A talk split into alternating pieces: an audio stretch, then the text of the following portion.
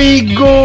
Balik lagi guys ke WN Evan Podcast Berenang sama sekalian ada gua Andra dan malam ini langsung ditemenin sama Nuha, Oke, Fatah. Eh, apa kabar guys? Wih, Oji di Oji. Eh, Fatah Fadil.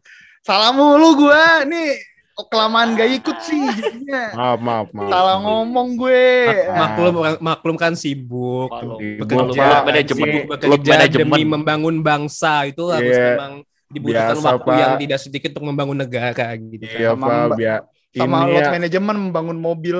iya, Apabila kalian sampai sekarang masih menikmati internet yang cepat dan lancar, berterima kasih pada nah, Fadil. iya. nah itu sama ini Pak, akun sebelah udah dapat hehe hehe aja gua, hehe udah dapat hehe aja gua. Sama ini tapi yang Fadil paling sekarang penting itu ini, yang paling penting itu bagaimana internet Indonesia tuh bisa tersebar ke seluruh Nusantara itu Aduh. kerjaannya Fadil itu. Itu kenapa kita bisa- soalnya. kenapa kita bisa podcast rekaman podcast sampai 65 sekarang tuh ya gara-gara Fadil. Iyalah, makanya jangan lupa eh nggak boleh pemasaran. Iya, jangan Jangan, boleh. jangan, jangan.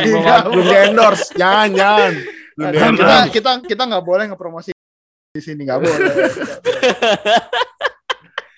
Aduh, gila. Ini di OG WNF1 empat empat orang Ya, ini di pertama OG nih. Iya, empat, Di OG empat yang ya. pertama. Iya, Finally. makanya. Akhirnya. Nih eh akhirnya juga kita udah masuk ke race week. Let's go, Nah, race week. ini nih. Enggak kerasa ya, enggak kerasa Ini ya. nih. 2022. Nggak kerasa ya? Iya, anjir, lu lu ngerasa nggak sih 2020 sama 2021 tuh skip year nih 2022 menurut gua kayaknya skip year lagi udah gara-gara Skip Enggak, enggak, enggak, enggak. Enggak skip year. Jangan sih 2022 jangan sih. Cuma 2021 cepet banget. Iya cepet. Kayaknya Iya, baru iya, kemarin cepet. gue lihat Ferrari jelek. Iya, iya makanya kayak gue baru kemarin lihat Ferrari sampai nangis-nangis itu Leclerc. Eh sekarang Oh, tapi kemarin kalah sama Sainz ya? Tapi Eh, bagus, tapi udah Oh iya, bagus. nggak apa. Iya. bagus, bagus. Jadi makanya, aduh, cepet banget waktu eh, dan ini juga tiba-tiba 2020 2021 skip 2022 tiba-tiba yang bakal ada di minggu ini juga nggak biasanya kita bahas ini tapi karena ada di Indonesia jadi kita Ya kita senggol dikit. aja lah bentar senggol kita senggol lah bentar MotoGP Mandalika juga bakal ada di minggu ini akhirnya event balapan salah satu event balapan terbesar di dunia akhirnya ada di Indonesia Mampir ke Indonesia. hampir ke Indonesia Eh, race kedua seri kedua dari MotoGP tahun 2022 jadi sebenarnya buat diprediksi siapa yang bakal menang di Indonesia masih sangat abu-abu karena kompetisinya masih sangat terbuka. Excited nggak sih Mandalika? Aduh, gua pengen ke sana sih sebenarnya cuma Ya. udah jauh banget. Ya, saya sih Iya. sebagai warga negara yang baik, saya sih ya, saya semangat untuk menyambut GP Mandalika untuk membantu perekonomian Indonesia. Sadis. Mantap. Empat tahun besar itu Yes. gue ini sih, gue excited lah. Apalagi udah lama banget kan MotoGP nggak ada di Indonesia dan Hmm. MotoGP pun juga pasarnya juga sangat sangat sangat besar di negeri ini. Jadi ya kapan lagi sih? Emang sayang sih nggak ada, udah nggak ada namanya Valentino Rossi. Tapi ya it is what it is gitu. Iya. Ya apa namanya pembalap-pembalap barunya juga banyak kok. Bahkan di race kemarin di bahkan itu kata gue lupa kata Di Qatar. Qatar. itu yang juara Enya Bastian ini. so- sponsornya sebelum sebe- sebelum apa namanya Gitu. sebelum race sebelum balapan tuh minum an dulu jadi makanya dia bisa juara satu karena kan wes wes wes motornya tuh wush, gitu kan Itu itu itu salah- itu stiker itu ditaruh di depan Satu motor, Easter kan? egg untuk next Di depan, next di depan. selanjutnya. di depan motor depan Depan motor, lagi. iya. Itu itu itu bagian dari air tuh sebenarnya. Mengarahin angin deh, jadi menolak angin gitu kan. Jadi itu Banyak aero. itu. Banyak. Termasuk Easter egg untuk Easter egg buat buat ini dah buat GP selanjutnya sebenarnya itu. Oh. Iya betul. Jadi bakal banyak event yang bakal ada di buat menyambut MotoGP Jakarta eh Jakarta Mandalika. Eh. salah satunya parade driver MotoGP di Jakarta. Itu gua maksudnya tuh gitu. Oh. iya. katanya sih mau ada parade di Jakarta atau apa gitu. Pokoknya kayak penyambutan gitulah. Em, ya gimmick biasa. Gua gua nggak begitu suka sama ya sama ini mungkin kali ya gue sekalian boleh nggak sih gue promosi dikit ada konten baru sama MotoGP boleh boleh. boleh oh iya iya. Oh, jadi kan ini kan eh, kayak, jadi kan boleh. F1 kan ada Drive to Survive Hmm, yang season 4. iya. Nah, itu kalau lu nonton, aduh gua aja nonton udah geleng-geleng nih, nih, nih kenapa sih season kayak gini? apa bunyinya jangan jangan jangan jangan jangan berisik anjir. Gue sakit dengernya jangan jangan jangan gitu kan kayak udah kayak trailer film banget. Nah ternyata MotoGP melihat wih DTS-nya F1 s- bagus nih sukses ya kita bikin yuk. Nah tuh Hmm. Nggak tahu hari ini pas di uh, post udah rilis deh, seingat apa mungkin kemarinnya. Jadi tuh ada di TS-nya MotoGP ternyata. Nah Yap, iya Betul, ditayang betul. di Prime. Nah Amazon itu Prime. Amazon Prime. Nah Amazon Prime mah bisa langganannya. Nah Bisa. tapi nggak nggak nggak promosi nggak promosi nggak promosi. Cuman ya bisa lah beli di salah satu apa salah satu provider terkemuka di Indonesia itu ada paketnya tuh beli Iya, legal lah pokoknya. Nonton legal legal, pokoknya. Nonton legal. Makanya jadi gue penasaran nih di TS-nya MotoGP kayak gimana. Bisa F1 sejak season 3 sih gue aduh kenapa kenapa sinetron banget ya. Cuman ya ya itu yang bikin attract orang-orang awam khususnya orang Amerika. Karena Iya, mereka pasti juga memikirkan sisi entertainmentnya tadi. Dol, Iya, City benar. Entertainment dan dramanya karena gua baca info-infonya penonton Amerika itu naik 58% kalau nggak salah dibanding dari tahun kema apa 2020 pas di 2021-nya ya. Ya alasan terbanyaknya karena DTS. di TS, TTS. itu.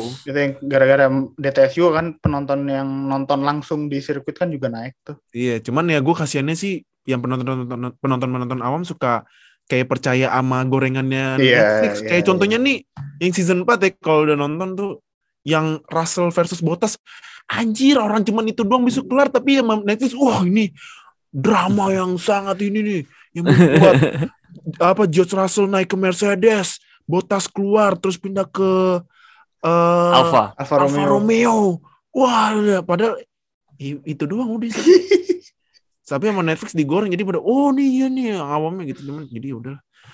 Yang bikin malas, yang bikin malas tuh kan kayak kalau orang udah percaya emang beneran orang ini jahat Iya. gitu loh di pedek.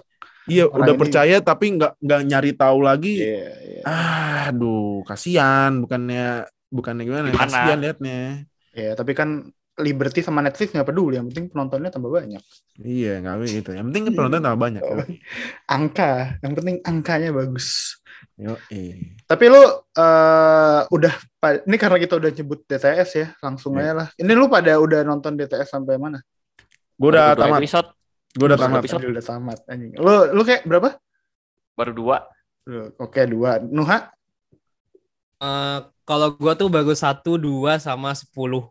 Jadi karena, menur- Sekian, karena menurut gua, karena menurut gua emang yang paling penting dari DTS tahun itu ya sebenarnya di episode 10 itu, the Iya, final, the final race itu. Kan judul kan judulnya ini ya, hard racing ya. Hard racing kok diambil dari kalimat yang disebut sama Michael Masi. Michael Masi. gitu. Kurang hard ajar racing. emang. Emang emang anjing sih sebenarnya. Emang Kurang ajar Netflix. Bang ajar Netflix memang. harusnya apa, Gorengnya- harusnya, harusnya judulnya tuh yang apa kayak ini malah hard racing I- iya sih hard racing cuman eh gue kayak nggak apa ya nggak berekspektasi tinggi deh sama DTS tahun ini karena formulanya tuh diulang lagi sih menurut gue Iya. Iya. formula apa bagaimana tim Netflix tuh menyusun menyusun narasi dari awal sampai episode 10 tuh menurut gue diulang lagi kayak musim kayak Benar. season 3 Benar. yang di mana menurut gue season 3 juga udah mulai agak-agak repetitif. Regresi. repetitif dan Repetitif, sekarang diulang dan sekarang diulang lagi Iya. Amin juga ada beberapa kayak momen-momen yang seharusnya ditangkap sama Netflix dan bisa dijual malah nggak ada menurut gue. Iya. Dan itu yang bikin kayak ah, kurang Ya, kurang. Sama- ya. sama ini apa eh, apa rumus apa ya, bukan rumus sih kayak template move-nya Netflix radio di mana res mana? Kok masuknya ke sini Kejadian lagi ya? Gue belum Ada. Ada lagi ya? sama itu komentator siapa sih? Yang Komentator formula itu anjing tuh ngapain lagi sih masuk? Bisa Pokoknya ada ada komentator 4 tuh. Itu gue juga dua nonton, nonton dua Iya. episode nih gue udah kesel tuh sama komentator 4 nih. iya. Iya kita lihat waktu berapa?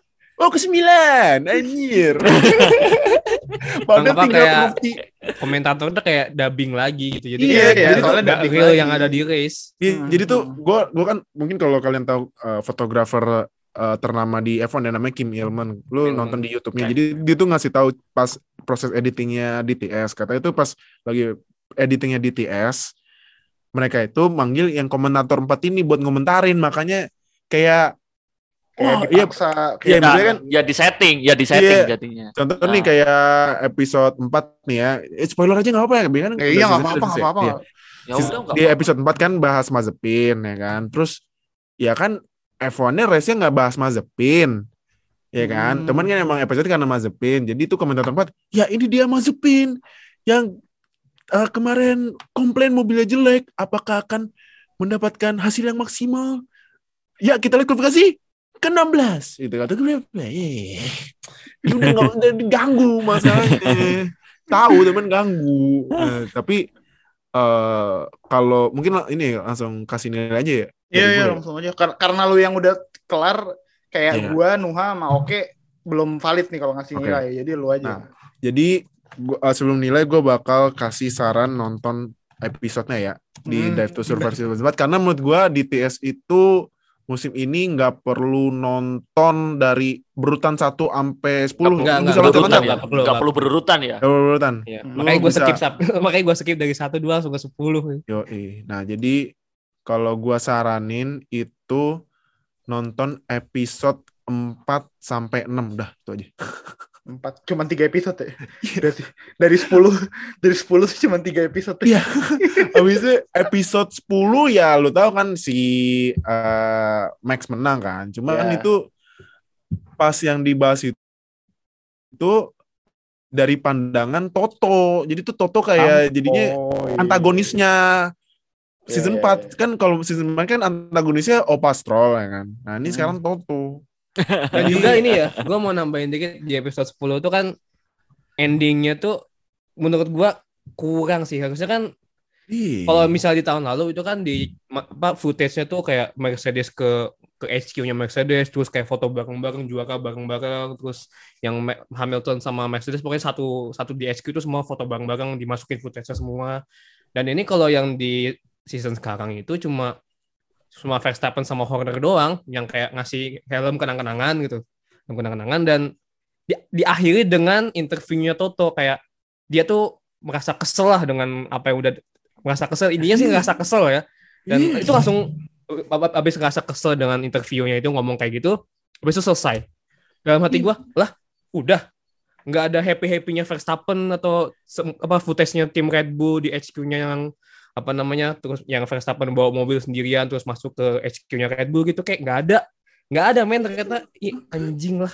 Makanya ini emang Netflix nih ya udah tahu nih oh orang Amerika nih sukanya orang berantem atau apa kan. Kalau iya berantem atau adu bacot ya kan. Kan Hmm. di kalau contoh kayak NASCAR kan gue penonton NASCAR kan. Hmm. NASCAR kan kalau pembalapnya tubruk kaya tuh langsung didatengin eh lu apa? Lu tonjok tonjok ya kan tonjok tonjok ya kan Hmm. Kayak kayak kayak di sini ya? Iya kayak eh nah jadi jadi ya udah apa eh, dibikin kayak gitu. Jadi episode 10 pun yang bahkan ini ya yang bahkan pas season kemarin itu sampai gue nonton sampai teriak-teriak tuh yang Max ny- nyalip Hamilton sama Netflix. Eh gitu kan. Jadi gue sih saranin episode 4 itu bahas Mazepin lawan Haas ya Hmm. bukan lawan Mick Mazepin versus timnya sendiri Hmm. karena itu ada aduh gue spoiler nggak ya spoiler aja kali ya Hmm. Ya ya boleh. nggak Ya, ya, apa ya? jadi tuh eh ada apa nah ada opa Mazepin kan ada bapaknya tuh ya kan Hmm. nah jadi karena Mazepin hasilnya jelek mulu bapaknya ngeliatin ini bapaknya kesel masa kan duitnya kan ini kan bapaknya kan banyak oral kali nih kan duitnya kan buat ke Has ya kan. Nah Yoi. ini ini bapaknya ngancem nih ke Has. Ini kalau anak saya nggak bener nih mainnya nih duitnya saya tarik loh. Nah itu jadinya Hasnya sampai ini kan ada berita kan Has bikin sasis baru khusus Mazepin. Tuh emang duit tuh kalau lu ada duit nurut aja dah. Jangan bolak-balik. Nah, Pagi jadi sponsor utama. Nah terus yang Staying Alive di episode 5 itu bahas Ric- Ricciardo yang lagi turun performanya ya kan Hmm. itu dia eh dikasih lihat dia menang di Itali Hmm. nah itu nggak apa lu lah lu lihat lah ibaratnya kan lu udah nonton dari tiga season kemarin lihat Ricciardo nih orangnya eh, profilnya selengean ya kan Iya. nah tiba-tiba oh Hmm. nih Ricciardo musim ini lagi down karena kan masuk tim baru hasilnya jelek Norrisnya eh, ngebut Bagus. banget, ya kan bagus Hmm. banget. Nah, jadi pas lihat episode 5, wah ini pertama kali lihat Ricciardo down. Terus episode 6 nih, episode 6 justru yang menurut gua favorit gue ya. Karena ini episode 6 lagi eh, ngeceritain manajemen barunya Williams di bawah Jos Ah. Capito. Oh, itu dia itu. dulu bos tim WRC VW yang Iya. dia masuk langsung menang menang beruntun. Nah, itu dia masuk dia nge- ngubah semua culture-nya Williams. Tapi pas itu kan emang season kemarin sampai sebelum Hungaria kan Williams aduh kayak dikit lagi dikit lagi Iya, udah Selalu tipis, udah selalu Iya udah P10 tahu-tahu kesalip lagi aduh sampai sampai Josh Russell nangis tuh pas di GP apa yang dia nangis ya? Ada tuh, sumpah. Tuh kan Netflix Oh, kayak di sini. Hungaria anjir. Hah? Yang Oh, nggak, dia dapet Hungaria poin dia tuh nangis ya? Oh iya, iya, Yang dia iya. Nah, itu kan yang Hungaria dia nangis kan. Ah. Tapi emang itu Netflix aja udah kayak sini ya pakai formula E. Oh, nangis. Rating. Rating, nangis. Rating. Kayak kenal tuh, kayak kenal tuh kayak gitu di mana tuh? Iya, rating. Nah, jadi eh itu apa? Ini apa? Jadi itu lu lihat lah gimana Capito ngubah culture-nya Williams. Terus dia emang dependable sama George Russell kan. Karena dia juga takut kan George Russell bakal pergi dan ternyata pergi, ya kan? Iya. Ya, Hmm, dan iya. iya pergi kan, pergi ke Hmm. Mercedes. Terus eh dilihat Iya. yang pas di sayangnya nih nggak lihat pas yang di Spa. Ih, padahal walaupun nggak balapan terbaik sepanjang sejarah itu. Sejarah itu. Iya, biasanya bal- memang. Sejarah tapi itu, nggak dikasih lihat eh masuk podium kan at least walaupun balapannya cuma segitu kan lu Williams akhirnya masuk podium sejak tahun berapa itu Williams masuk podium kan Terakhir tahun 2012 pas Iya. sama Maldonado. Nah itu jadi ya apa? At least lu lihat kayak akhirnya nama Williams ada di podium dah. Nih enggak, cuman di Hungaria, cuman tapi kan ya Hungaria kan seru ya. Gara-gara Botas, Ya, ya. Botas dis, disuruh. Terus ya udah. Karambol, karambol. Iya Latifi kan finish P8 terus Russell P9 terus ada momen yang pas si eh, siapa? ya? George Russell bilang Alonso, Alonso nahan Hamilton. Nggak, nggak, ada 10 lap. Alonso, Alonso nahan nggak dikasih lihat sumpah itu gue kesebat Eh, Kan beda episode. Eh beda Nah, tim. beda episode itu episode ke Ya. tujuh oh tujuh gue juga naranin jadi uh, gue saranin dari 4 sampai 7 maaf ya nambah satu nah episode 6 eh yang ada momen juga yang pas si tim radionya Russell bilang kalau misalnya gue butuh buat ngepit duluan biar ngindarin undercut Ya itu kan ada Biar- di itu. iya itu itu kasih di lihat radio. Nah, itu episode 6. Itu bagus. Josh Capito. Gue sih ngarepnya Williams dapat poin ya karena Josh Capito nih menurut gue leadershipnya bagus. Bagus banget. Nah, episode 7 tuh Bagus ya, bang langkah bag. iya, episode bagus ya Josh Capito. Nah, eh, episode 7 tuh Growing Pains itu ceritain Sunoda sama Ocon. Nah, Sunoda tuh anjir sampai radionya yang fuck you, fuck you. aduh, Emang gitu mulutnya nggak ada adab. mulutnya nggak sebenarnya. ada nggak ada filter itu dikasih lihat nah, itu sampai sampai sampai di iya itu sampai terus bilang ini anak baru ngomong nggak bener ya gitu nah terus itu sampai kan ternyata gue baru tahu loh ini gue baru tahu ada ada satu info yang info yang gue baru tahu jadi itu driver akademinya Red Bull itu nginep di satu tempat ada asramanya Hmm. Ada ada Guinness. ada emang ada emang ada. Iya, nah gue baru tahu tuh di Milton Keynes di England. Nah, masa kan Yuki Tsunoda ada di Alfa Tauri. Hmm. Nah itu sama si Franz Tost suruh lu pindah lah tinggalnya di Itali biar deket sama apa kantor kita. Lu jauh-jauh lu makanya lu main kagak bener, ngomong kagak bener lu sini pindah ke Itali. Nah, Dimasukin pesantren dong nggak? iya pindah ke Itali, Pesantren. pindah ke Itali terus dia latihan pagi mageran gitu anjir or- orangnya. Ditanya sama trainernya apakah uh, lu uh, semangat buat latihan pagi ini? Enggak anjing. Tsunoda anjing. Nah, tapi untungnya habis itu kan Biasaan. habis itu kan langsung dikasih lihat yang Hungaria dia finish di P6 kalau nggak salah ya. Nah, habis itu Ocon sih. Ocon Ocon kan yang dia ceritain dari zaman dia Force India yang dia sempat jengkol-jengkol sama Perez kan. Hmm. Terus skip tahun 2019 ya. Hmm. Iya, 2019 ya? Ya kan 2019, Iya 2019 2019. 2020 ke Renault, 2021 rebranding jadi Alpine. Terus sama ya dikasih lihat gimana kehidupan dia sama keluarga. Habis itu eh hoki kan gara-gara karambolnya Botas, terus nahan-nahan dan sayangnya Alonso nahan Hamilton gak dikasih lihat. Padahal itu kuncinya Ocon menang, anjir. Tapi ya untungnya ya dikasih Iya, lihat anjir. menang. Dah. Gitu. Oke. Jadi Ya, kalau maklum lah namanya sinetron kejar tayang. Iya ya. makanya. Nah jadi in overall kalau gue kasih nilai buat season 4 sesuai sama season ya 4 dari 10. Masih Oh, lebih, ternyata lebih lebih jahat WNF1 daripada WTF1. Abisnya abisnya kayak ya elah gue kayak nonton season 3 cuman ganti tahun doang ini. Udah. Kayaknya kayaknya gue dapat ini deh, dapat judul buat di apa? buat episode ini. Apa? Apa? Drive to Season sinetron kejar tayang. Iya makanya sih tayang. Ah, makanya Iya. itulah sih kalau kalau kalian kalau kalian langsung kayak ya cuman 4 jangan jangan justru gue lu tonton yang gue saranin aja dari episode 4 sampai 7 Oke, Tuh. oke, deh gitulah. nggak usah Sisanya jelek. ya oke jelek. lah, itu sinetron nggak nggak usah nggak usah begitu banyak diomongin. Kita mending ngomongin yang penting-penting aja nih dari Iya. track. Kita baru kelar eh, F1 testing tiga hari selama tiga hari di Bar, Bar- di Bahrain. Ren. eh tanggal 10, 11 sama 12. Banyak eh, hal yang bisa kita omongin dari testing kemarin eh, desainnya Mercedes, terus kayak eh, Red Bull yang stabil, macam-macam lah.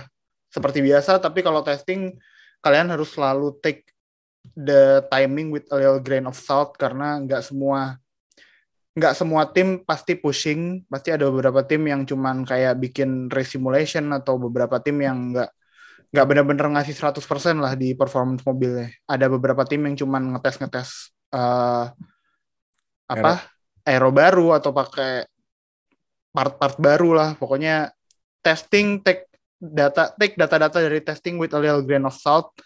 Jangan terlalu percaya kalau tim ini udah bagus, tapi emang bener ada beberapa tim yang lebih impresif lah istilahnya daripada tim lain. Kita bahas yang bagus-bagus aja. Kayaknya kalau jelek-jelek ah dibahas juga nggak apa-apa. So Wow. ya kita mulai dari nah ini dari tim Red Bull dulu deh. Red Bull ini kemarin sebenarnya gua yang kaget adalah setelah Mercedes ngumumin ngeliatin desain yang yang ekstrim itu yang nggak pakai sidepod itu yang nanti bakal kita bahas. Red Bull nih gue kira bakal apa ya istilahnya? Mereka Ya, bakal protes, protes.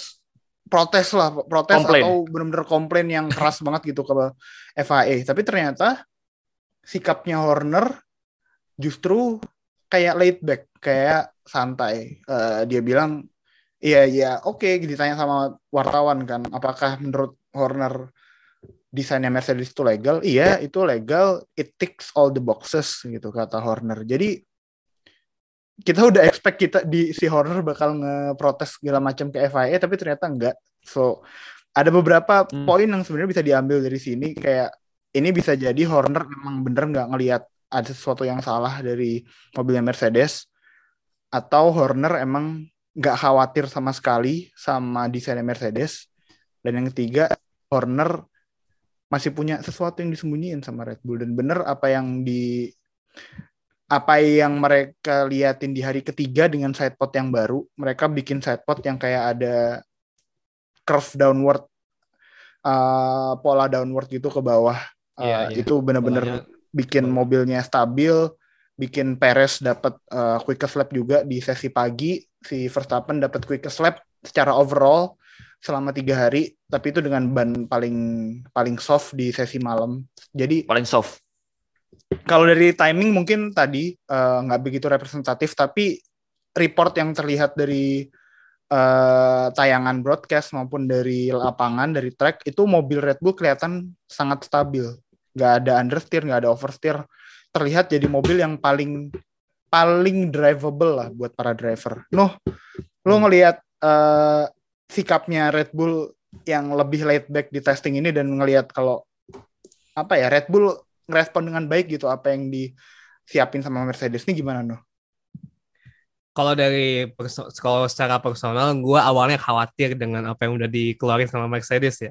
Jujur gue Hmm. khawatir banget. Wah, ini gila nih nggak ada side pod nih. Ini maksudnya apa gitu kan? Ya, I mean sebagai fans Bull lu kaget lah ngeliat inovasi yang dilakukan Mercedes gitu. Awalnya juga Hmm. khawatir kan. Wah, Hmm. ini kayaknya bakal Mercedes makin jago nih dengan Lu takut kan? Lu udah ya, takut ya gue kan? tak ya gue takut lah karena it means it means Mercedes itu siap untuk untuk musim ini gitu apalagi kan feel apa feel feel hunger mereka tuh jauh lebih gede lagi karena dalam tanda kutip mereka kalah di musim lalu gitu Hmm. dan maksudnya dengan kekalahan itu buat ngebuat mereka tuh jadi kayak makin insist untuk makin menang dengan bikin side potnya. Mungkin ambisi pertama adalah side potnya itu tapi mungkin untuk masalah side potnya Mercedes bakal kita bahas di topik Di selanjutnya. Cuman kalau dengan akhirnya maksudnya dengan apa yang dilakukan sama Red Bull gua sih lebih sedikit bisa kayak ah bisa nyantai sedikit lah. Jadi maksudnya mereka nggak maksudnya Horner itu nggak perlu terlalu kayak fight back atau kebanyakan protes dengan FIA karena mungkin mungkin salah satunya udah karena karena udah juara juga jadi ada spare time untuk ya lebih nyantai dikit daripada protes-protes ke FIA mending kita fokusin ke bikin sesuatu yang baru yang bisa membuat aero mereka tuh lebih baik lagi dan dan untungnya Red Bull masih punya Adrian Newey ya masih punya Adrian Newey so angin. Iya. pendali angin. pengendali angin dan gua rasa itulah salah satu counter yang dibuat sama Red Bull agar ya mereka nggak perlu lagi kayak main protes asal-asal protes saja. Jadi ya kita mainnya ya kayak aero dibalas dengan aero aja gitu. Dan menurut gua secara desain nggak se ekstrim dengan Mercedes ya. Itu desain secara desain side pot tuh nggak nggak separah. Bukan parah sih nggak se ekstrim kayak sampai nggak ada outputnya gitu. Tetap ada cuman lekukan anginnya agak dibuat sedikit ke bawah biar anginnya tuh bisa lebih masuk lagi dan nanti kan Hmm. kalau nanti kan aliran anginnya sampai keluarnya ke belakang gitu kan bukan ke eh sorry keluarnya ke atas bukan ke bukan ke belakang Hmm. dan menurut gue sih dengan apa yang hasilnya yang terjadi dengan Verstappen ada di pole di, di nomor satu gitu dan apalagi pole juga menurut gue udah minimal banget ya nggak separah ketika di Hmm. Tim aerodinamiknya Red Bull itu sebenarnya salah satu yang paling bagus salah satu yang paling bagus karena mereka bisa mencari solusi dari apa yang terjadi dengan position yang hampir dialami oleh seluruh tim dan Yep. Red Bull bisa mengantisipasi itu dan ya gue cukup optimis lah nanti dengan apa tapi tetap gue juga penasaran sih sebenarnya kayaknya masih ada yang diumpetin sama Red Bull entah itu mungkin kalau Aero mungkin ya ada satu yang udah dikeluarin itu side pod cuman Hmm. Gue masih kayak ada menebak ada entah, masih ada lagi yang bakal dikeluarkan nanti pas sesi free practice entah itu Hmm, menarik. entah itu entah itu di power train sih menurut gue di power train sih karena power Hmm. trainnya kan masih menjadi tanda tanya ya menurut Iya, gue hmm, benar. Menarik, menarik. Jadi, eh iya, Red Bull kemarin emang kelihatan kelihatan begitu bagus, begitu stabil, nggak banyak. Emang nggak banyak, nggak bener kata Nuha, perubahannya nggak agresif. Perubahannya di sidepod itu simpel, tapi justru terbukti yang paling efektif gitu. Dia berhasil eh, ngebuat ef- efek porpoisingnya dikit dengan tinggi mobilnya itu serendah mungkin gitu. Jadi kan karena tinggi mobilnya serendah mungkin, downforce-nya juga tetap yang terjadi di ground effect, uh, jadi lebih bagus gitu. Kayak ini sebenarnya salah satu yang lu sering singgung gitu pas tahun lalu gitu. Uh, Horner, Helmut Marko itu secara tim Red Bull harus nggak usah terlalu mikirin lawannya apa yang dilawannya dipikirin, apa yang lawannya bikin, lu fokus aja sama apa yang lu punya dan kelihatan gitu perubahan sikapnya Red Bull gitu dari testing kemarin gitu. Tanda-tanda kemacuran tim apa gimana nih? Oke.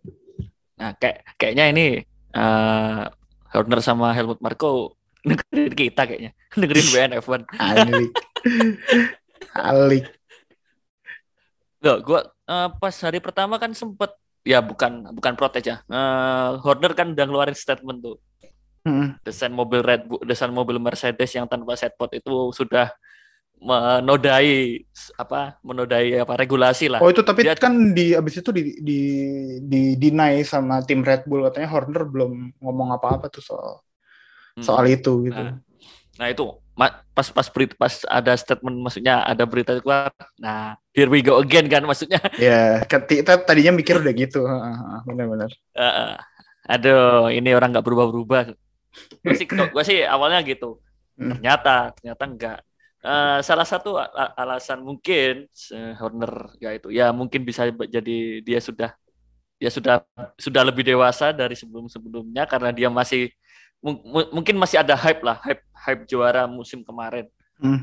ya udahlah gitu kita nikmatin dulu sambil jalan musim ini dan lihat dari hasilnya Mercedes sih kalau menurut gua Horner, eh, Horner masuk akal lah berti Hmm. ber apa bercakap bertingkah seperti itu tuh maksudnya gitu benar-benar benar. So ya, eh kelihatan kalmnya Red Bull eh, beneran berefek baik gitu buat timnya dan kelihatan kalmnya Red Bull juga ternyata terbukti dengan apa yang terjadi sama Mercedes gitu. Oke lah, eh, kita bisa lihat Mercedes mungkin beberapa tahun ini sandbagging atau gimana lah. Eh, banyak yang bilang eh, apa Mercedes kalau testing tuh nggak pernah full power gitu. Tapi report dari lapangan dan apa yang kita lihat juga di broadcast gitu, Mercedes nih beneran struggling gitu dengan desain yang sangat ekstrim barunya ini. Dengan desain yang emang pas kita pertama kali lihat di hari pertama testing di hari di pagi di sore pagi atau siang waktu Indonesia gitu. Kita langsung beneran kaget. Gue deg-degan, gue gemeteran itu pas lihat de- desainnya apa desainnya Mercedes karena katanya eh, dengan dia ngilangin sidepod itu dia bisa lebih cepat satu detik gitu secara satu detik satu detik kan emang ngeselin ya kan itu itu itu itu jauh banget itu kalau di F1 kan satu detik. Jadi kayak Eh, padahal di F1 itu 0,1 itu meters gitu loh. Ini satu mm, detik pak. satu detik makanya kayak ah, mungkin kalau dari sisi straight line speed ya kalau dari sisi straight line speed yang bikin kayak uh, sidepod kan berarti kalau sidepodnya dikurangin berarti less drag di body mobilnya kan. So ya mungkin mungkin masuk akal gitu. Tapi ternyata uh, si Mercedes ini understeer-nya parah terus kalau ngalamin porpoising-nya juga masih terus mereka juga jelek gitu ngadapin track yang bumpy gitu kan kalau Bahrain ini kan tracknya bumpy banget jadi uh, kelihatan susah dikendaliin gitu si Mercedes di sini. Deal, lu ngelihat Mercedes ini ini sandbagging atau emang atau emang mereka belum nemu solusi yang tepat aja gitu buat atau emang mereka cara sandbaggingnya adalah mereka ngetes part yang baru kan mereka punya dua desain nih berarti punya desain yang no side pod no side pod semua punya desain side pod mereka ngetes dua ini mana yang bagus nanti dipakai di first race week gitu di Bahrain Mercedes apa sih triknya Mercedes hari ini di testing tiga hari ini Eh, triknya Mercedes ini kan udah dipakai dari tahun 2015 ya. Hmm. Awal season, pre-season, oh ya nih mobil kita nampaknya jelek nih. Atau mungkin atau misalnya, oh iya nih Red Bull ngebut ya. Hmm. ah, bacot lo. Gue masih sandbagging. Abisnya gini nih.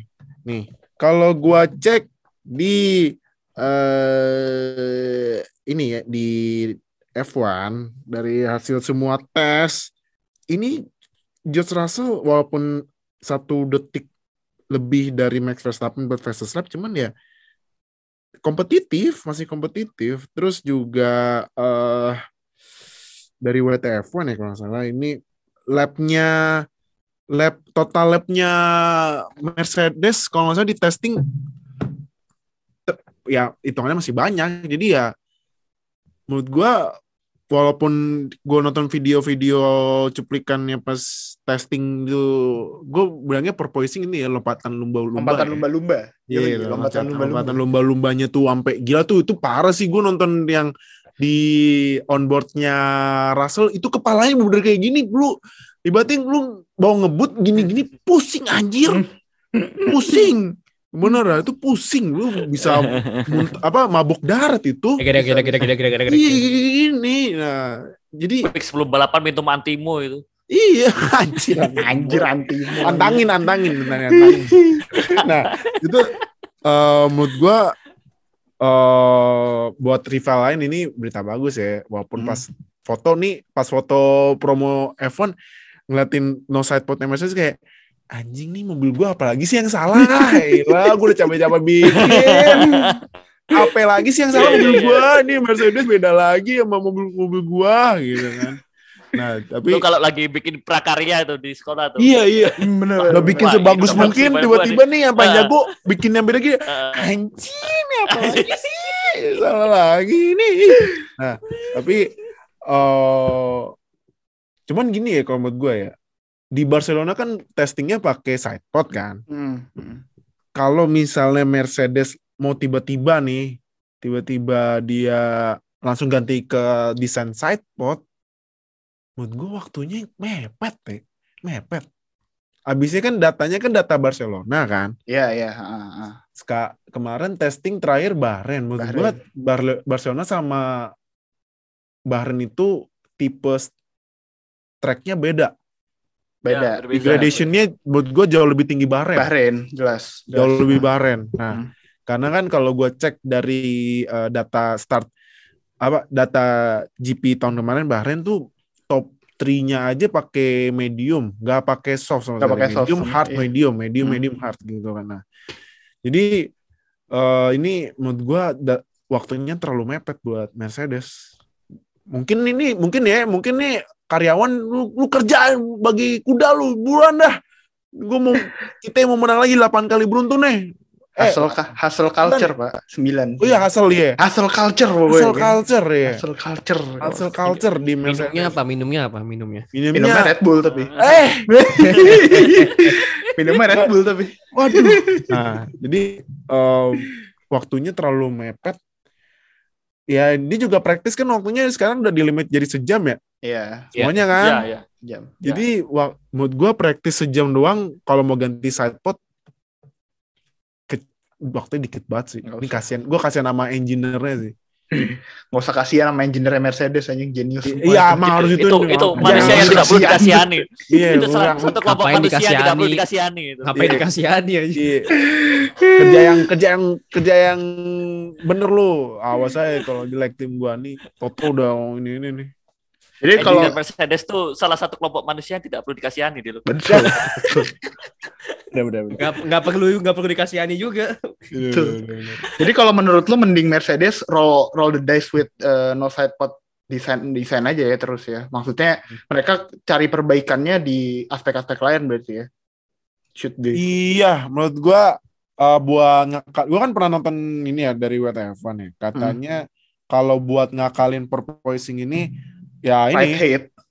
iya right headnya agak diturunin ya Iya ditinggiin, ditinggiin Oh, justru. ditinggiin, ditinggiin, Ditinggiin. tapi down, tapi aeronya di harus naikin downforce-nya Iya. Jadi Ah. biar ngetekan gitu. Cuman kan ya lu tau kan pasti di F1 itu hukum pastinya more downforce less speed. betul. Kayak di Monaco kan, Monaco kan downforce-nya udah paling maksimal ya. Mobilnya nggak kenceng. Nah itu resikonya biar nggak porpoising, downforce dinaikin, speed hilang. Atau ya udahlah porpoising aja itu drivernya biar pusing Iya, dikit lah, pusing. Iya, dikit. iya mau. Yang ini biar ada sponsor obat obat sakit kepala. Iya. Antara Tadi ini juga Mercedes kasihan nih George Russell ya. Di, di Williams pusing, di Mercedes juga pusing. Pusing. Ini no, Russell. Apa Tapi- gitar pusing? Pusingnya beda. Pusingnya Apa beda. gitar Russell pusing? Ya, itu ada bos, bos kamu lagi kenceng, kasih jalan. Ya, Ya. ini gitu kan. ya. Pusing dah, pusing dah. Iya, Pusing. makin Udah paling pusing dah. Udah paling pusing itu deh. The next botas dah nih Russell. Ya. Ya, Berarti tapi- sekarang ini ya, sekarang George This is James. James. Iya, George this is James. Udah. Siap-siap aja. Pang titipan salam dari George, apa dari James. Ya itulah tapi Mercedes dengan segala semacam trik yang disembunyiin selama testing eh mungkin kita bener, mungkin benar mereka struggling selama testing tapi kalau kita bisa gamble sama Mercedes mereka pasti salah satu yang tim yang paling cepat buat memperbaiki apa yang salah gitu dari mobilnya. Jadi apa yang kita lihat minggu ini di Bahrain mungkin bakal beda banget sama apa yang bakal kita lihat di Bahrain pas official race week race weekend. Jadi tetap kalau gue jadi orang yang mau gamble sih, gue nggak bakal gamble Mercedes ada di di bawah top 2 sih. Jadi they're still gonna be Nah, Iya, satu dua. nah, makanya. nah. Tungguin aja. Mungkin struggling ini justru yang mereka butuhin gitu. Mereka Iya. mereka mungkin mikir kayak untung gue strugglingnya di testing bukan di balapan beneran. Kayak, Biasanya tuh biasanya tuh kayak pas struggling bilangnya akhirnya strugglingnya bisa kita kebiasaan Biasanya enak bagus nih. mulu. Iya. Iya, kebiasaan Bagus enak nih. Kapan Iya, sih strugglingnya? mereka- Oh, sekarang. Jadi deh. Kita mereka lagi running di mungkin mereka kemarin lagi shakedown di Silverstone terus lagi di wind tunnel kok hasilnya bagus ya gimana nih Iya. Pas promosi, nih mobil Kalau biasa gini, aja kenapa ya mereka di mikir- Bahrain gini? Kalau kalau gitu mereka mikir gimana cara sandbaggingnya kalau gue bagus mulu. Iya, gini ya? makanya. iya Oh, jadi oh ternyata pas gak ada sidepod, oh ini tuh. Oh gini caranya. Oh gini Oh. loh. Oh, Akhirnya gue akhirnya gue ngerasain jadi rakyat jelata ya. Anjir. Alik ya. Oke, uh, let's move to the next team. Ini ini tim yang hype-nya paling gede sih sepanjang testing tiga hari kemarin. Tapi fansnya sih nggak mau percaya. Fansnya nggak mau percaya. Tapi gue sih gue goreng terus ini. Hype-nya sih gue goreng terus ini. Ferrari. Kayak ini tahunnya kah? Apakah Kagak. ini Oh, tahunnya? oh iya, Kagak. taruhan taruh, taruhan Ferrari gue kan Udah tahun kelar. kemarin udah habis ya. Nah, Udah berarti gue bisa ceng-cengin. bisa, bisa. Udah. Kayak ini kagak tahunnya ada kagak agak apa yang lo lihat tapi dari testing kemarin Ferrari yang gue lihat porpoising semakin menghilang it's a good move it's a good thing Hmm. terus ya sih gue maksudnya gue salah satu yang penasaran banget sih mereka bakal di posisi berapa sekarang kalau musim kemarin kan qualifying itu Leclerc dapat dapat P4 kan Hmm.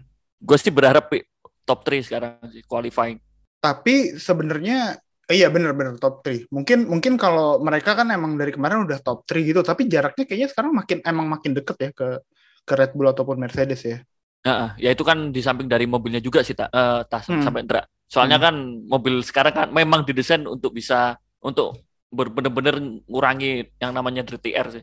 Hmm. Jadi jadi mobil di belakangnya bisa lebih mendekat. Hmm. Ya, makanya gua sih target masuk bukan target ya. Gua berharap Ferrari bisa fight buat top 3 sih. is this, Maksudnya a, every is- every race. is this a race winning car apa enggak Until now belum.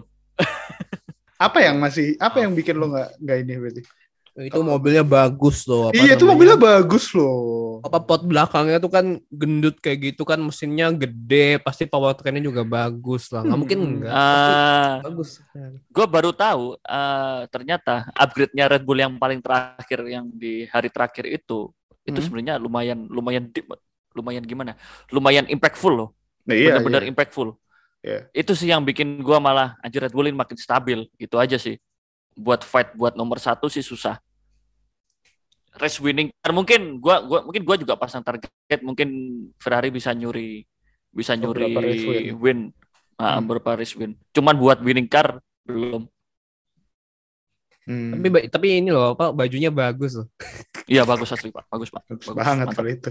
Itu bagus Gua banget. gua pas pas Ferrari, gua pas Ferrari launching tuh kan kayak lagi pulang kerja gitu. Pulang kerja, gua berhenti di pinggir jalan, gua streaming cuy. Gua bela-belain Buset. di atas Buset. di atas motor gua. Alik. Ya, dedication, dedication. ya seenggaknya seenggaknya liverynya nggak kayak tahun lalu yang ada hijau nggak jelas Iya. Gitu. Eh, tapi yang satu lagi, salah Ferrari adalah satu-satunya mobil yang ngal yang eh, setpotnya itu desainnya itu ngalirin udara. Salah satu yang ngalirin udaranya lewat atas juga. Kan kalau semuanya Iya. kan dilewatin tunnel di bawah. Lah Ferrari Hmm, hmm. satu-satunya yang dilewatin atas.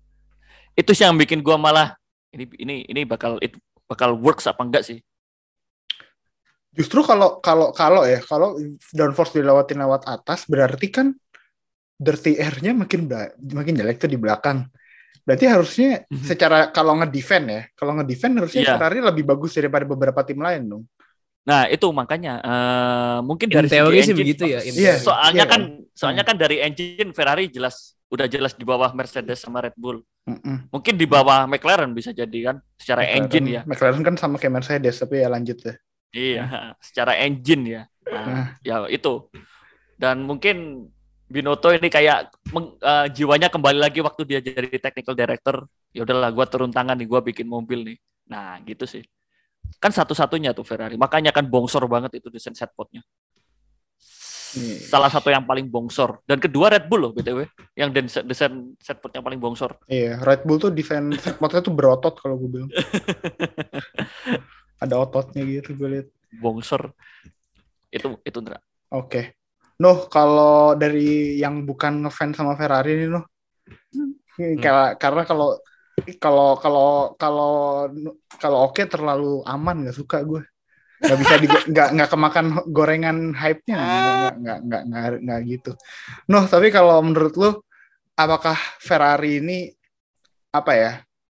Jaraknya sama Red Bull Mercedes lebih mendekatkah atau atau ya udah gitu Red Bull Red Bull sama Mercedes udah lagi-lagi tahun ini bakal nggak nggak kesentuh gitu.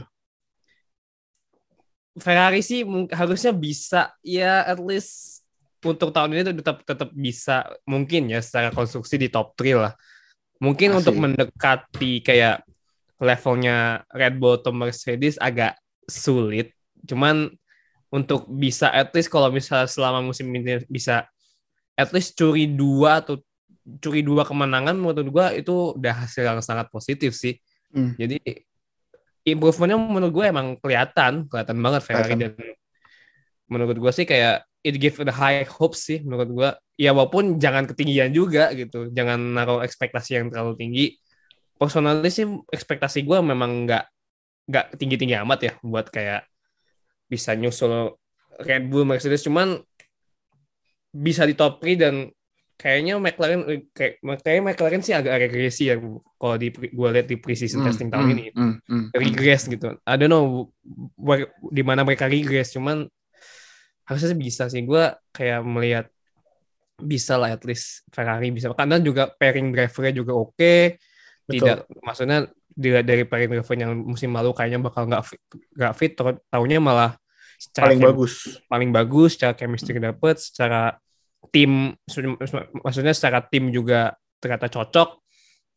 Dan menurut gue nggak kayak Ferrari ini bisa sih harusnya walaupun gue nggak naruh ekspektasi tinggi-tinggi amat sebenarnya. 23 race 10 menang lah Ferrari. 10 Iyalah. ya, 10 dapat lah itu. Dapat kayak 10 race win dapat kayak dapat itu. Bisa sih. Bisa sih. Bisa lah. Sainz Sainz setuju, Leclerc tiga. Ya, gue bilang Setuju, Sainz. setuju. Gua gua jagoin sense. Gua Gue idola Sainz. gue Sainz. Atau enggak ini dah Leclerc Leclerc 10 terus Sainz-nya 12 gak apa-apa. Wah, Waduh, kan. Gak sih. Satunya siapa? Ma- Magnussen deh satunya tapi. Satunya Magnussen bener. Nah, kayak jadi apa? eh kalau gue ya Ferrari ya. Hmm? Ferrari kalau udah strong ya mungkin bisa nyempil-nyempil podium lah. Di ketiga kan satu dua udah pasti kan. Udah Iya. pasti Max sama ya? Perez. Template. Oh, Perez. sama Oh, Perez. Oh iya, bener. Oh, bukan ini, bukan apa namanya? Bukan Hambot Fair lagi ya sekarang ya. Oh, Bot udah, mah- ganti. Ntar Bottas masih dapat masih disuruh bantuin Hamilton buat Anjir. mau mau mau mau di mau di overlap oh itu itu uh, mantan mantan bos kamu kasih dulu lah itu slipstream kasih dulu ntar baru kasih lewat lah gitu kan jadi eh Ferrari ya bisa lah nyempil nyempil tapi next topik kita bahas McLaren kali ya. Biasanya nih Iya. Hmm. McLaren aduh gue nonton gue nontonnya beberapa cuplikan eh, testing di Bahrain kemarin ya. Hmm. aduh McLaren mobilnya kenapa ini? Masa masa balik lagi ke zaman zaman Honda? Kasihan tau Kayaknya- Kayaknya enggak ya kalau maksudnya kalau Honda pas pas mesinnya Nggak gitu. separah itu, banget. Kayaknya enggak Nggak- separah nggak- itu. nggak tapi- itu. iya iya cuman nggak Ya. tapi masalahnya gini loh ekspektasinya McLaren kan peringkat tiga nih kan Hmm, hmm, hmm. tandingannya sama Ferrari cuman mobil gitu jadi nyek gitu turun Kemudian nggak memenuhi ekspektasi orang jadi ya orang kayak mikirnya ya ini mah mirip-mirip zaman zaman Honda tapi nggak separah Honda ya cuman ya ini mah kayak masa kelam dulu jadi mirip mungkin masalah yang dialamin mungkin mirip ya kalau pas zaman Hmm. Honda kan reliabilitas mesin kan kalau yang kemarin tiga hari testing ini yang kelihatan banget tuh brake brake cooling Iya, karena Mm-mm. velg yang baru ini yang wheel cover wheel covernya ini nggak ada wind flow-nya. iya Ba- jadi bagus tuh buat aero sebenarnya. Sebenarnya bagus Iya, buat aero tapi bagus. jelek buat buat ini jelek buat rem. rem. Iya, jadi nggak ada wind flow, bannya panas, eh remnya panas kan lu kan kalau ngerem gitu kan kalau misalnya lu pernah main game F1 kan, Ya. itu kan rem aja kalau lu cek ngintip dikit bisa sampai 900-an derajat Iyalah, Celcius. itu. Turunnya aja kan lama kan, jadi kan butuh udara dingin dong buat eh, biar cepetin gitu. Kalau misalnya remnya nggak buru-buru dingin terus dipaksa rem terus, ntar meledak gitu rem kayak kemarin si Latifi. Latifi kan. Latifi ada. Latifi kan remnya kebakar tuh kan. Hmm. Jadi wah ini Tapi jarang-jarang loh lem belakang kebakar itu. Itu baru, Iya, jadi ya ini biasanya apa, depan kan yang kebakar. Hmm. belakang, Iya. cuy. jadi ini wheel cover selain uh, tim-tim pakai gimmick stiker-stiker kan biar keren muterin cuci cuci cuci gitu kan. Ini kan kayak kayak Kayak- Alfa Romeo. Alfa, Alfa, Alfa Romeo. Alfa Romeo terus McLaren juga kan ada tuh yang Hmm. itunya kan cuci cuci gitu kan biar keren. Harus ini juga harus cari solusi biar wind flow-nya masuk. Kayaknya sih harus emang harus dibolong-bolongin, bolong-bolongin. Kayak ini kayak zaman Ferrari Kimi itu kan yang udah pakai wheel cover terus Hmm. ada 2000 bagian 2007. Iya, terus kan dia kan wheel cover nih. Tapi ada bagian yang uh, bolong GP itu buat juga gitu. iya. Brown GP gitu Brown. GP, GP juga Brown ya GP, kan, Brown. GP kan ada bolongnya kan. Nah, itu buat kayaknya sih buat Buat uh, cooling. Buat, buat adem. ini wind flow. Gitu. Iya. Kalau selama ini yang dijadiin solusi sama solusi sementara ya, solusi sementaranya McLaren tuh kemarin tuh eh brake duct-nya sih beberapa yang diganti.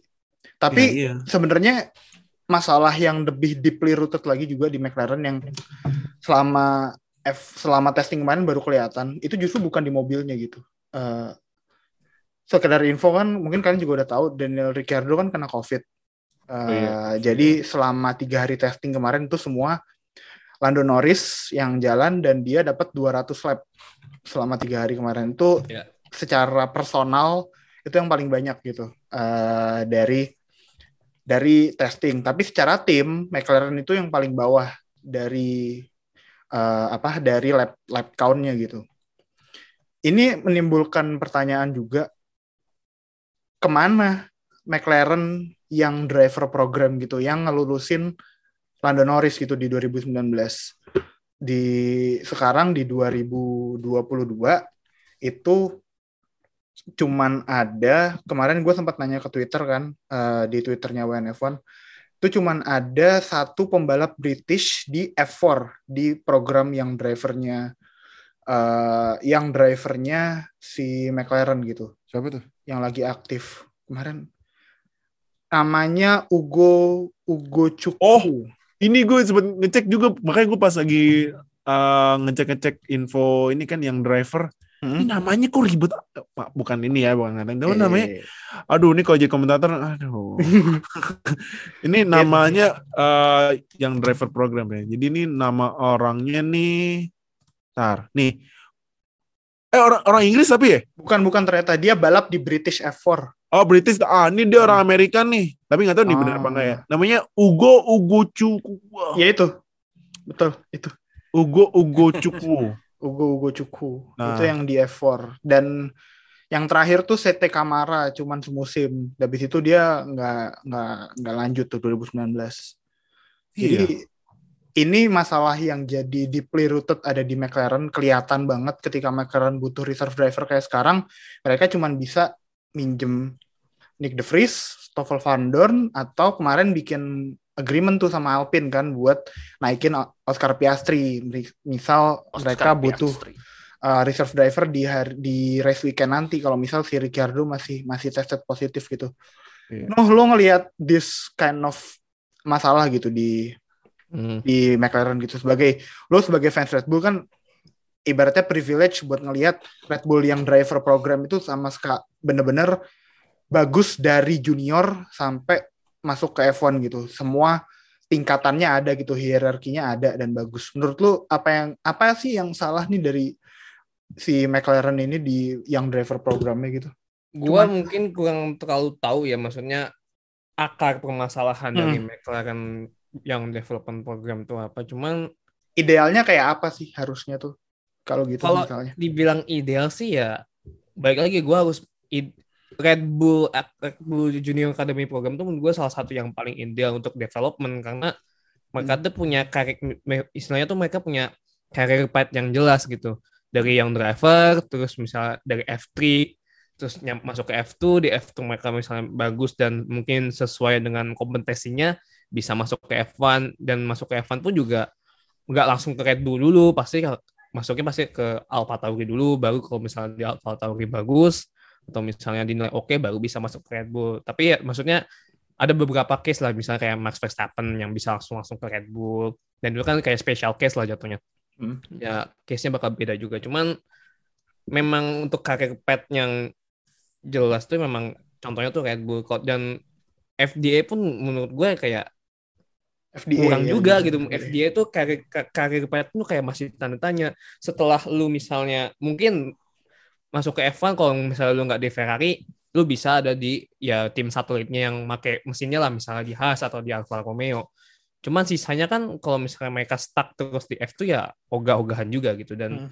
menurut gue McLaren ini I don't know mungkin sebelum Lando kayaknya juga belum nggak kayak nggak ada juga nama-nama yang Iya, bisa ngebantu besar mereka gitu. untuk develop untuk McLaren driver McLaren yang development program tuh kayak men- dan juga tidak men- semenarik kayak Red Bull, Ferrari atau mungkin bahkan Alpine, Renault Hmm. lah yang pembalap-pembalap muda tuh mau untuk masuk ke prog- program akademi mereka dan scoutnya juga mungkin nggak Yeah. semasif itu juga untuk Hmm. untuk mencari talent yang mau masuk ke Mac- ke McLaren gitu karena ya gimana ya namanya juga ini ya akademi gitu jadi mereka juga tetap harus scouting scouting cari pembalap apa segala, ke mana segala macem menurut gua menurut gua itu sih yang lacking kalau menurut gua kayak mereka kurang scouting untuk mencari talenta-talenta muda yang mau masuk ke McLaren Academy Program praktis yang ada saat ini cuma Lando sama Hamilton itu doang praktis yang ada gitu Iya, Hamilton tuh dulu dari ya- juniornya McLaren ya berarti. Iya, si Hamilton juga dulu dari junior McLaren gitu. Hmm. Ya sayang aja sih, maksudnya McLaren tuh udah, udah nama gede gitu di Formula One udah nama kawakan lah, nama Hmm. lama banget. Lu tidak memaksimalkan potensi pemain, tidak memaksimalkan yang development program lu, ya mungkin agak susah gitu. Jadi walaupun mungkin ya tahun lalu sempat ada financial struggle dan akhirnya punya investor baru gitu. Menurut gue itu harusnya bisa menambah motivasi mereka untuk mencari talenta-talenta muda lagi setelah Hmm. mereka dapat investment baru. Iya, ada banyak sih sebenarnya kalau kita cari akar masalahnya mungkin a- agak jauh gitu. Mungkin ada apakah ada masalah di rekrutmennya eh, kayak tadi yang Nuha bilang scouting dan rekrutmen segala macam atau mungkin emang dari progres di akademinya gitu yang emang salah. Tapi Hmm. ketika bener gue gue bener jujur nggak sadar McLaren nggak punya reserve driver sebelum Ricciardo sakit gitu. Jadi kayak baru habis itu ada yang point out kan kayak siapa yang bakal gantiin. Baru gue kayak mikir iya ya siapa ya reserve driver McLaren gitu. Nggak ada nggak pernah denger gitu kita. Siapa siapa yang Iya, jadi cadangannya cadangannya McLaren? So, ya jadi semoga ya semoga Ricciardo cepat sembuh dulu. Dan apa yang lagi McLaren jalankan mungkin dengan adanya kejadian ini they can really build their young academy back again dan bisa menelurkan talenta-talenta bagus lagi kayak Lando dan kayak Hamilton dulu gitu. So ya, tinggal dikit lagi. eh F1 GP kita udah masuk ke race week. Ini kan bakal rilis hari Senin. Jadi ya menghitung hari lah buat sampai ke Jumat. Excited, jelas. Eh, siapa yang bakal di atas sudah jelas juga pasti Ferrari yang bakal juara satu.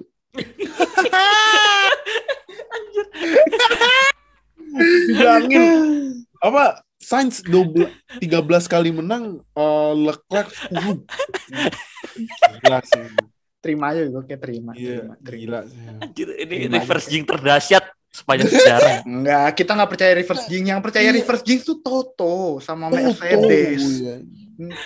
No Mikey no no. Mm-mm. Mana Enggak ada lah, Mercedes? Mercedes bilang "Eh, kita bukan tim yang bakal challenge menang. Itu kalau bukan reverse jinx apalagi pak? Gak Wah mungkin. iya sih. Itu reverse jinx pak pasti.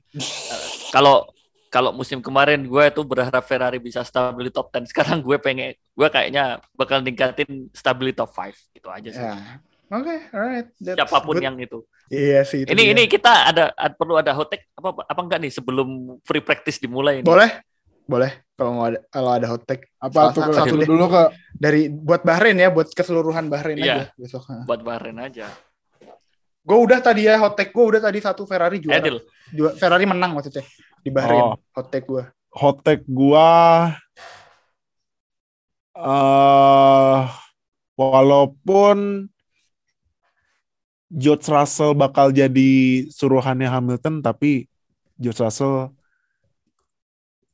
tapi ini gua nih super hot take sih gua ini bakal gila sih hot take gua sih George Russell di atas Hamilton sih kayak gua finish Oh, bakal- tapi finish di atas Hamilton ya. finish, finish di atas Hamilton. Hamilton nih itu hot take gua itu ter- tergila hot take gua mungkin Terus Nuh, Kalau gue Red Bull one two sih.